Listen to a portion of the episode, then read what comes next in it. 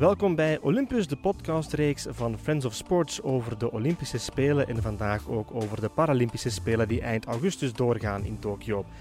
Een van onze blikvangers is dan rolstoelracer Peter Genijn, vijf jaar geleden winnaar van twee gouden medailles in Rio. Genijn gaat nu voor de vierde keer naar de Spelen, want hij ging ook al twee keer met de rolstoel rugbyploeg. Dit is aflevering 3 van Olympus. Dag Peter. Dag Juri. Alles goed? Ja, zeker, zeker. We zitten hier in, uh, in Kalmthout bij je thuis. Het is een regenachtige dag. Hoe kan je zo'n dag nuttig invullen als topsporter?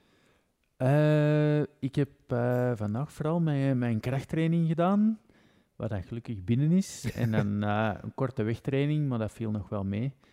Want inderdaad, de regenachtige dagen zijn wel heel lastig, want dan heb ik geen grip op mijn wielen. Dus ja, en dan moet je jezelf aanpassen, want dat, dat gebeurt hier dan toch wel regelmatig in België? Uh, dat gebeurt heel regelmatig. Uh, meestal kunnen wij in de topsporthal in Gent terecht. Maar nu is hij toegewezen aan de, de gymnasten. Ja. Wat ik wel heel jammer vind. Daar is niks van overleg over geweest. Maar uh, enfin, wat, we moeten verder. En, dan moet jij maar een oplossing vinden. Voilà, wij moeten nu zien dat we ergens anders terecht kunnen. En ja, want op zich, onze indoor trainingen zijn heel belangrijk als het regent. Omdat ja, als je geen grip hebt, ja, een, een sprinter gaat ook niet op een ijspiste trainen. Nee. En waar train je dan nu? Dat is dan vooral hier in de buurt. Uh, meestal train ik in Gentse, omdat ze daar meer uh, mondobanen hebben. Ah ja, ja. Uh, omdat op tartan trainen met, met een wieler, dat is een beetje vergelijken met op het strand gaan lopen. Dat is verschrikkelijk zwaar, dat is wel je stof voor één keer, maar je moet dat niet alle dagen doen. Nee, nee. Het is de laatste rechte lijn richting Tokio. Binnenkort is het zover. Eindelijk, hè? Ja, ja inderdaad. Uh, het heeft meer dan een jaar op zich laten wachten. Uh, ja, dat was in het begin heel lastig. Maar nu zit de focus volledig uh, op de Spelen. En ja. ja, ik denk dat ik er klaar voor kan zijn. En op mentaal vlak, die hele coronaperiode, dat heeft dan een diepe impact gehad, heb ik gelezen op jou. echt wel, zeker zolang als dat er geen, geen datum of iets bekend was. Uh, dan was dat toch wel heel lastig. Als je dan een zware training had en er stond wat veel wind, dan vroeg ik mij echt wel af van, ja, waar ben ik nu in godsnaam mee bezig? Uh, het Want je had geen doel voor ogen. Dat was de grootste frustratie. Ah, wel, op dat moment heb je inderdaad geen doel voor ogen, geen wedstrijden in zicht. Uh, ja, en dat was eigenlijk het eerste jaar dat je dat meemaakt. Hè. Een jaar zonder competitie eigenlijk, om zeg eens. Uh, tegen de zomer zijn er dan toch een paar wedstrijden geweest. Ik denk dat we er vier gedaan hebben, dus dat is echt minimaal. Maar ja, zolang dat er geen datum voor bekend was en je weet dat niet, zijn ze uitgesteld, zijn ze afgesteld. Uh, ja, en dat was enorm lastig mentaal. En wanneer dan de nieuwe datum bekend geraakte, veranderde dat dan toen? Uh, dan is dat vrij vlot die klik gekomen van oké, okay, dan moet het zijn. Mijn coach heeft dan ook de, de trainingsschema's kunnen maken. Met dan hier en daar nog wat, ja, stel dat dat of dat doorgaat. Want Bijvoorbeeld onze EK dat nu net gepasseerd is, ja, dat heeft heel lang geduurd dat we uitsluitsel hadden van het gaat door of het gaat niet door. Uh, stages die niet konden doorgaan of op andere plaatsen moesten doorgaan. Dus ja, het heeft wel een jaar geweest van... Ja, frustraties. Frustraties en aanpassingen. En, uh, ja. Want ik kan me ook wel inbeelden dat, dat het voor jou ook niet zo evident is om... Ah, je wil echt wel corona vermijden hè, als topsporter. Ja, zeker. Uh, je kan dat risico niet lopen, natuurlijk. Nee, nee. Ik denk, uh, zelfs als je nu nog corona krijgt, ja, dan is het gewoon gepasseerd. Zelfs al ben je er niet ziek, ziek van. Uh, dus ja, sowieso, buiten het feit dat ik als topsporter het niet wou krijgen, zit ik ook in de risicogroep. Ja. Omdat een deel van mijn ademhalingsspieren ook verlamd zijn. Dus ja, ik wou het absoluut niet krijgen. En, en wat betekent dat precies? Of wat, wat, heeft dat dan voor gevolg als een deel van... ik kan bijvoorbeeld niet hoesten. Ja. Als ik moet hoesten, moet ik echt op mijn knieën gaan liggen en dan liefst nog met mijn handen op mijn buik duwen om een beetje deftige luchtverplaatsing te krijgen. Ah, ja, ja. Als, ik, ja, als ik vlammen moet ophoesten, dat is gewoon een drama. Dus ja, stel dat ik corona krijg, ik wil het niet weten. Nee, dus je moest jezelf eigenlijk echt wel afsluiten van de buitenwereld bijna. Of is dat uh, overdreven? Goh, ik ben, ben echt wel extreem voorzichtig geweest. Uh, in, in de eerste lockdown ja, heb ik eigenlijk niemand gezien. Ja, we zijn enkel naar de winkel geweest voor hetgeen dat je nodig had. En dan liefst ineens veel ineens meenemen. en, Hamsteren. ja, ja, inderdaad. Maar is er, is er dan geen gevaar dat je jezelf te ver afsluit van, van die buitenwereld? Dat je te veel in het eh, isolement gaat? Eh, goh, misschien wel, maar ja, je wilt op safe spelen. Hè. Je wilt Mm. daar geen risico's in nemen. En eh, ja, op zich is dat vrij goed uitgedraaid, denk ik. Ja. Dus eh, Sinds kort is er dan eh, weer licht aan het einde van de tunnel. Eh, er waren een aantal wedstrijden, zoals je zelf hebt gezegd. Je hebt goud gepakt op het EK op de 200 meter, zilver op de 100 meter. Wat voor een gevoel gaf dat na zo'n jaar? Eh, dat goud, dat voelde heel goed. Dat zilver iets minder, omdat ik weet dat ik niet op mijn waarde geklopt ben. Ja, Eh, ik had problemen met de grip, doordat het, eh, het weer was eigenlijk van heel koud naar heel warm gegaan op drie dagen tijd. En ik, ik gebruik verschillende soorten naar vanuit de temperatuur. Maar ik heb wel een week nodig om niet in te rijden. En dus eh, op een gegeven moment moesten we de beslissing maken van ja, gaan we nu naar de warm weerhars of niet? En eh, ja, op dit moment was het nog niet warm warm. En eens dat het warm warm was, was het te laat om over te schakelen. En ik denk dat ik daardoor een beetje gripverlies had. En ja, mijn 100 meter toch wel eh, een beetje de soep is ingedraaid. je bent streng, hè? Ik zou dan denken, na een jaar zonder wedstrijd, eh, daarvoor doe je het dan toch om weer competitie te hebben. En jij bent dan meteen, ja, zilver is goed, maar ik had eigenlijk goud moeten hebben. Je legt de lat hoog, hè? Ja, op een gegeven moment ligt de lat nu helemaal hoog. En ik denk ook niet dat je tevreden mag zijn met minder dan dat je kan halen. Ik zeg niet dat ik goud ging gehaald hebben. Het ging heel spannend zijn. Maar ik ging op zijn minst weten van... Oké, ik ben op mijn waarde geklopt. Hij is beter. Of ik ben beter en ik heb hem op zijn doos gegeven. maar nu ja, is het gewoon geen, geen eerlijk beeld. En dat vind ik heel lastig. Ja. Mensen zullen de naam Peter Genijn misschien wel kennen, maar misschien niet jouw verhaal. Hoe ben jij in een rolstoel beland? Eh, als ik 16 jaar was, eh, waren mijn ouders een huis aan het verbouwen. En in de tuin lag een gigantische vijver. Eh, we dachten van, we maken daar een zwembad van. En we hebben die helemaal leeggepompt. Een nieuwe plastic erin gedaan en beginnen volpompen met grondwater. Maar die pomp die is s'avonds aangezet. En eh, s s'morgens, het was mooi weer, de laatste week van de grote vakantie. En dan dacht ik en mijn broer, we gaan zwemmen. En ik heb gewoon een aanloop genomen en daarin gedoken. Nu, die put, put was 2,5 meter diep. En eh, er stond ongeveer ja, 30, 40 centimeter water in. Dus ik ben eigenlijk van 2,5 meter hoog in ja, 30, 40 centimeter water gedoken. En met mijn hoofd om de bodem. En ik heb daar twee nekwervels eh, gebroken. Met als gevolg dat ik dus eh, ja, vrij hoog verlamd ben. En was je daarvoor ook al zo'n sportieve gast? Eh, ik heb altijd heel sportief geweest. Maar doordat mijn ouders, die hadden een bakkerij en die hadden dus nooit tijd om ons naar competities te brengen. Dus ik heb altijd heel veel competitie gedaan tegen mijn broer, die na anderhalf jaar ouder is. Dus dat was altijd wel pittig. Maar eigenlijk nooit geen wedstrijden gedaan voor mijn handicap. Nee. Ja, hoe ga je dan op die leeftijd daarmee om met die handicap? Je bent dan 16 jaar, heel de wereld stort voor je ogen in, denk ik. Eh, ja, dat is eh, een klein drama hè, op dit moment. Eh, ik denk sowieso dat het geen gemakkelijke leeftijd is om dat voor te hebben. Nee. Uiteraard geen enkele leeftijd, maar ja, je bent inderdaad aan het puberen en alles. Dat is echt niet evident. Maar door de sport heb ik vrij snel de knop kunnen omdraaien. En ook mijn, mijn familie stond er volledig achter van probeer nog iets van je leven te maken. En ja, ik ben vol in de sport gevlogen. En ja, je kunt daar veel in kwijt ook. Ook als je gefrustreerd zit of zo. In de tijd was dat dan nog rolstoel rugby. Dat was dan nog veel makkelijker om je frustraties kwijt te geraken. Eh, ja, dat was niet zo goed om je frustraties kwijt te geraken dan iemand een goede ram geven. Hè. Dus, eh, Maar dat is jouw redding geweest, sport. ja, zeker weten. En je hebt dat eigenlijk pas leren kennen, competitiesport, tijdens revalidatie. Ja, inderdaad, inderdaad. Want dat vind ik eigenlijk straf van jouw carrière. Die is eigenlijk opgedeeld in twee stukken. De carrière als rolstoel-rugby-atleet en de Ja. carrière in de atletiek. Dat is wel straf. Eh, ja, die rolstoel rugby carrière die is eh, vrij traag op gang gekomen. Omdat eh, ja, je moet eerst revalideren, je moet leren met een rolstoel rijden. Uiteindelijk denk ik dat ik er tien jaar over gedaan heb om op topniveau te geraken. Dan was je midden twintig of zo. Eh, ja, ja, zo, ja, 6, 27, zoiets. Dan ben ik echt ja, bij de wereldtop beginnen aansluiten. Uh, maar dan zelfs nog ay, eigenlijk een hele goede middelmoot. En ik denk pas een paar jaar later ben ik echt bij de wereldtop beginnen aansluiten. Maar als ik dan naar uh, atletiek ben moeten overstappen door een beenbreuk, en ik mocht daar niet meer op vallen, dus was rugby echt niet meer de aangewezen sport. Uh, dan had ik eigenlijk met een techniek, met een snelheid, had ik eigenlijk alles al mee. En was een overstap vrij makkelijk. Makkelijk is relatief natuurlijk, maar uh, ik had vooral miserie mee uh, rechtdoorrijden op die moment. Dat heb je dan moeten leren? Dat heb ik echt moeten leren.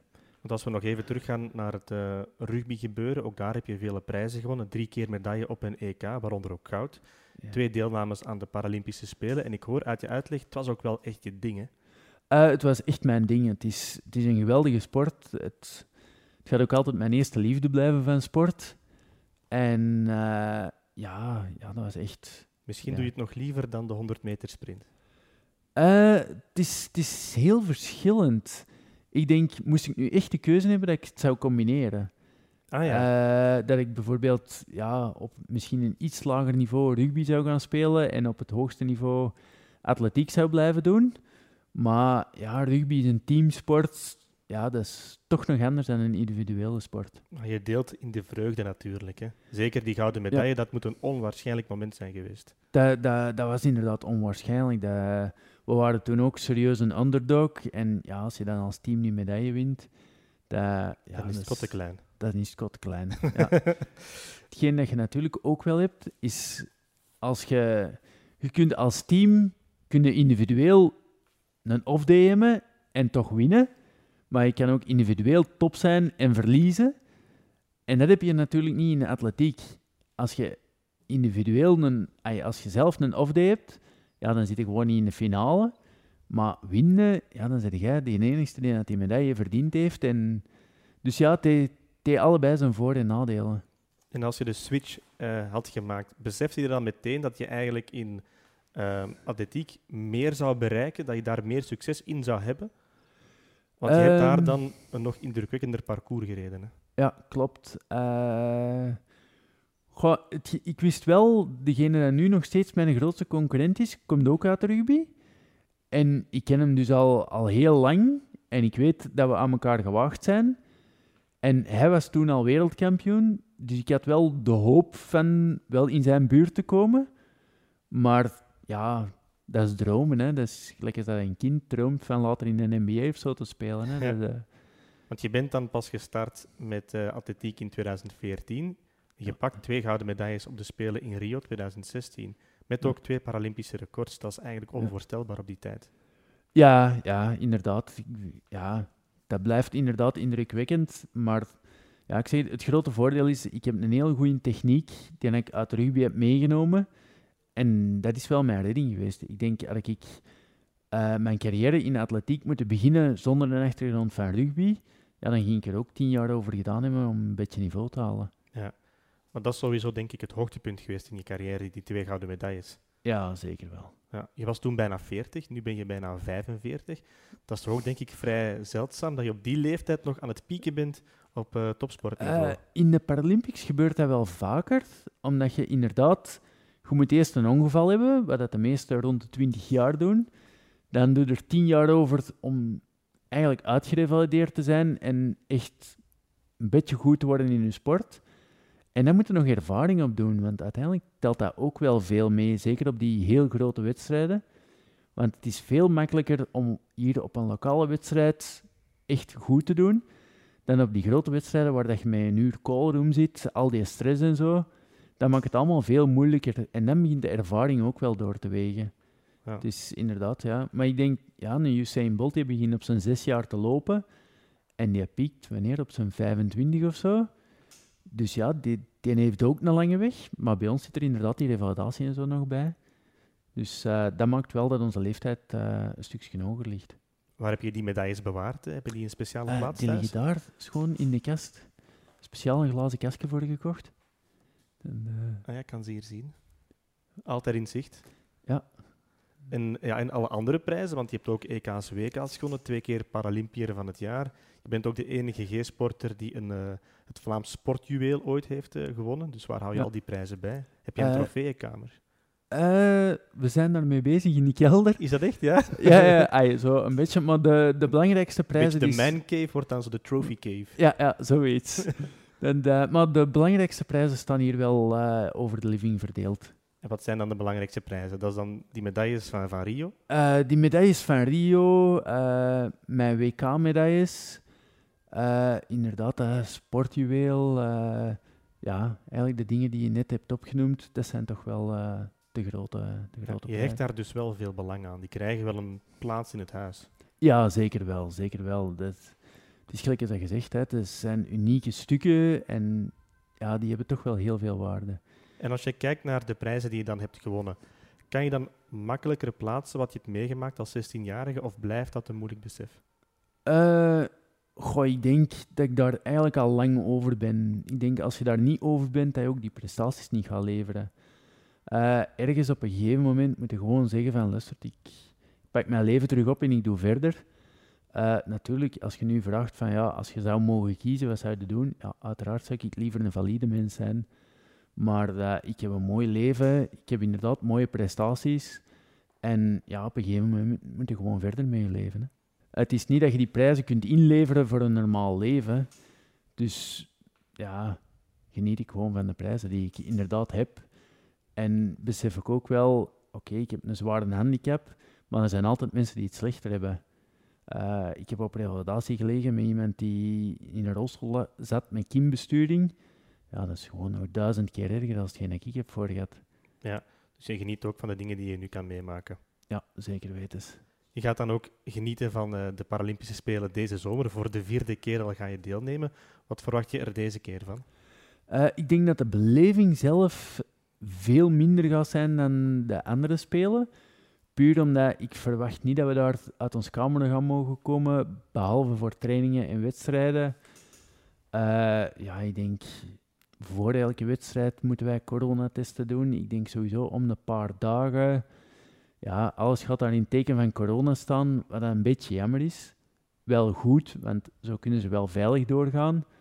Maar de beleving gaat veel minder zijn. Maar ik denk de wedstrijd zelf, ja, daar, daar doet het uiteindelijk voor. Hè. Het is die medaille die aan net zoveel meer waard is dan al die WK-medailles tezamen. Dus ja, het gaat wel, eh, ja, dat blijft wel een apart gegeven, hè, de Spelen. Is het voor jou nu anders omdat het al de vierde keer is? Of blijft dat toch iedere keer iets unieks? Eh, dat blijft toch wel uniek. Ik moet zeggen, de, de tweede keer dat ik naar de Spelen ging, had ik zoiets van...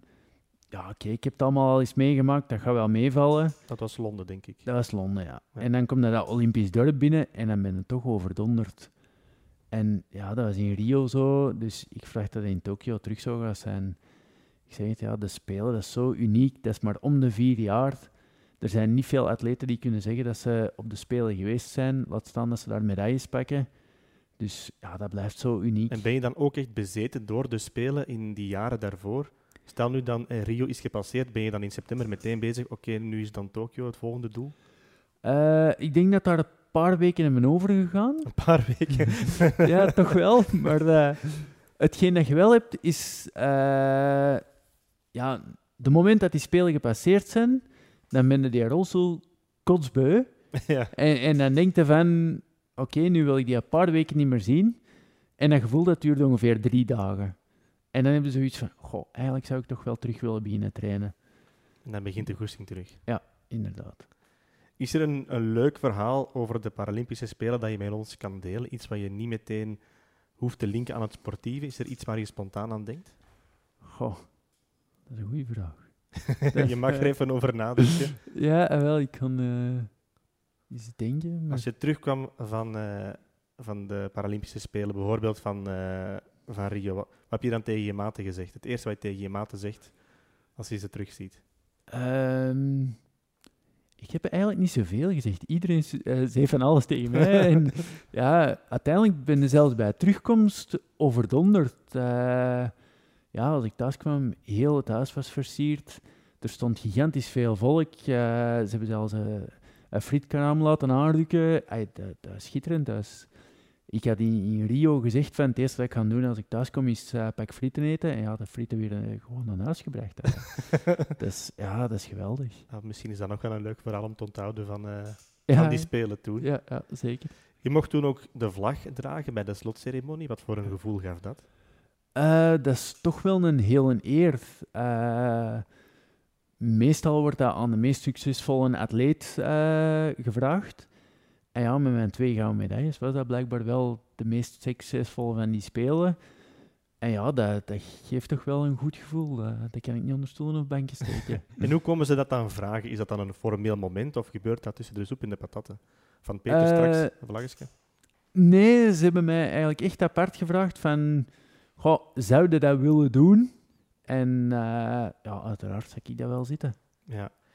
Heb je een, een favoriete Olympische atleet aller tijden? Goh, ik denk Usain Bolt is toch wel, die spreekt voor iedereen tot de verbeelding, denk ik. Hè? Ik dacht effectief dat je Usain Bolt ging zeggen, maar de stijl van een Usain Bolt is toch wel heel anders dan die van een Peter Genijn. Ja, ja, dat, dat klopt wel. Hij is de showman en jij bent rustige, vriendelijke gast van, uh, van Kalmthout. Ja, ja, dat klopt. Dat, uh... En wat trek je dan zo aan in, in Usain Bolt? Goh, ja, ik weet het niet. Ja. Dat, zijn palmarès is ook ongezien. Uh, ja, het is echt een atleet om naar op te kijken, denk ik. Hè. Beetje ook de mythische figuur, Usain ja. Bolt. Ja, waarschijnlijk wel. Tijdens iedere podcast heb ik, voor, ook een, uh, heb ik voor de centrale gast ook een boodschap van iemand anders. Ja. Usain Bolt heb ik uh, niet pakken gekregen, uiteraard. Maar misschien dat je nog wel deze sprinter zal kennen. Dag Peter. Um mijn naam is Patrick Stevens. Ik heb uh, ook meegedaan aan de Olympische Spelen uh, enkele keren. Um, ook 200 meter gelopen, atletiek. En ik wens jou het allerbeste op de Paralympic Games in Tokio. Dat het ondanks alle negatieve berichten omtrent corona enzovoort enzovoort toch een geweldig feest voor jullie mag worden. En dat je een prachtprestatie kan leveren daar. Liefst met een gouden plak. Dat zou mooi zijn voor België en voor ons allemaal. Dat zou mij ook plezier doen, omdat je ook een uh, atletieker bent. Succes ermee. En hopelijk komen we elkaar vroeg of laat nog eens tegen. Maar ik denk maar vast voor u. Mooi, super tof. Verrast? Ja, ja, eigenlijk wel. Eigenlijk wel. Dat, uh, ja, is heel leuk om te horen. Patrick Stevens, een legende toch wel, hè? Ja, ja, zeker, zeker. Hij was de enige blanke in de finale van de 100 meter. En hij zegt ook, uh, ga voor die gouden medaille. Dus die legt ook de lat meteen hoog. Hè. Zo gaat dat onder topsporters. ja, ja, maar ik denk... Uh, mensen vragen mij wel eens van... Kun je met die druk omgaan dat iedereen verwacht dat je goud haalt? Maar uiteindelijk, ik denk de druk die ik mezelf opleg, is veel hoger dan de druk van buitenaf. Ik denk als je zo niet ingesteld bent, dat je het ook niet kan opbrengen om al die trainingen te doen... Uh, alles met je voeding, met je slapen. Uiteindelijk voor Rio heb ik, ik denk zes maanden om, om half zes, zes uur opgestaan. Omdat ik wist dat mijn wedstrijd in de voormiddag was en dat ik echt geen ochtendmens ben. ja. Uh, dus ja, je moet er echt alles voor doen. En als je dan niet die ingesteldheid hebt van ik wil die gouden medaille, ja, dan, dan gaat het ze ook niet halen. En zijn dat dan de ambities opnieuw voor Tokio, opnieuw goud?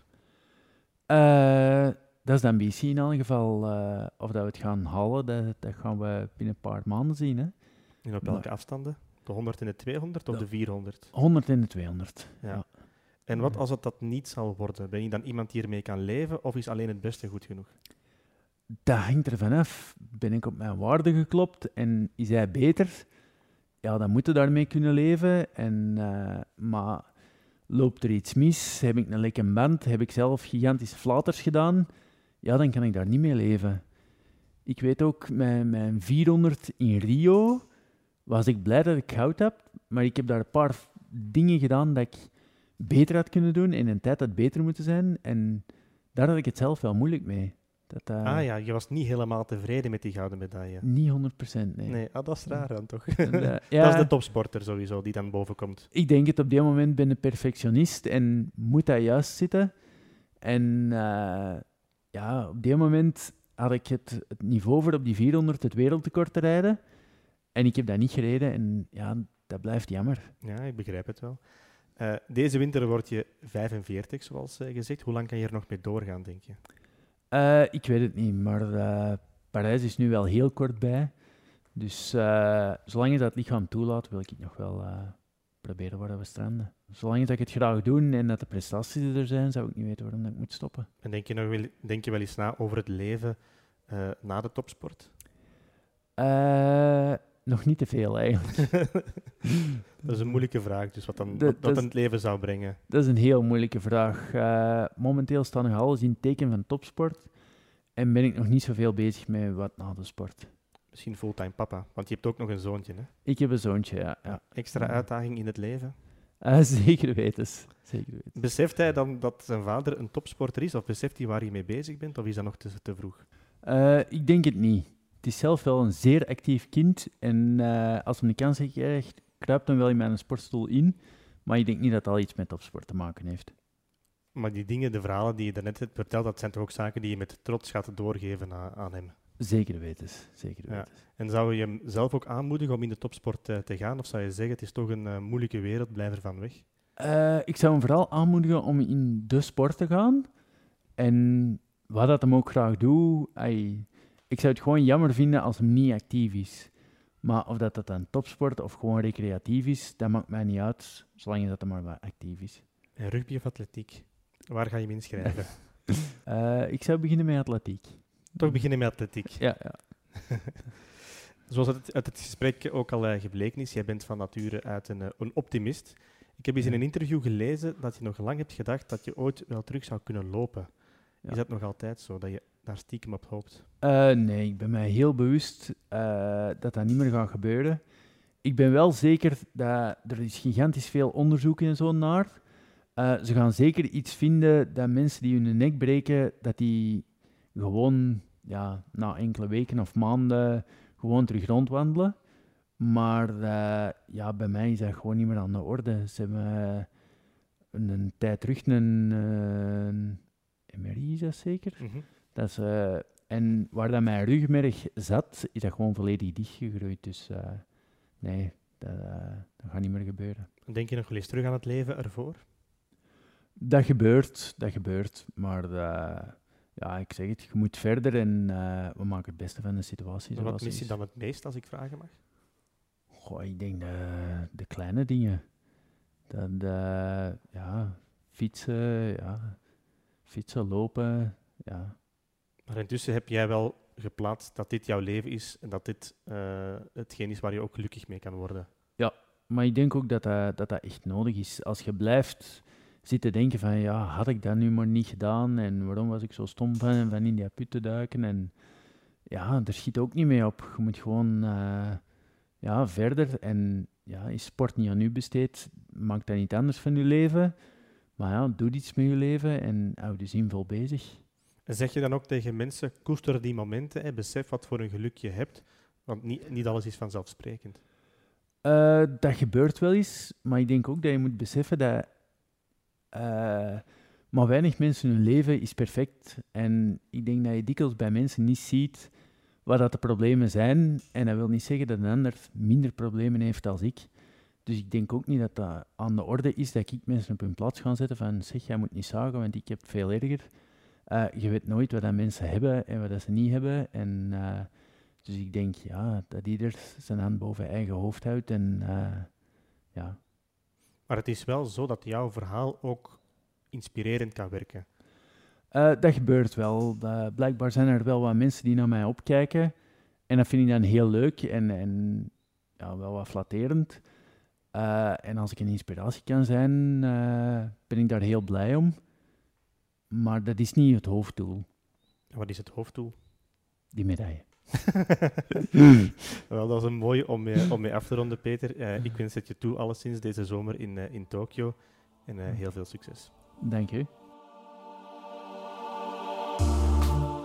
Het is nog even wachten, maar dinsdag 31 augustus is er de finale van de 200 meter en vrijdag 3 september de finale van de 100 meter. We kruisen de vingers voor Peter Genijn. Maandag zijn we terug met hockeyer Thomas Brils.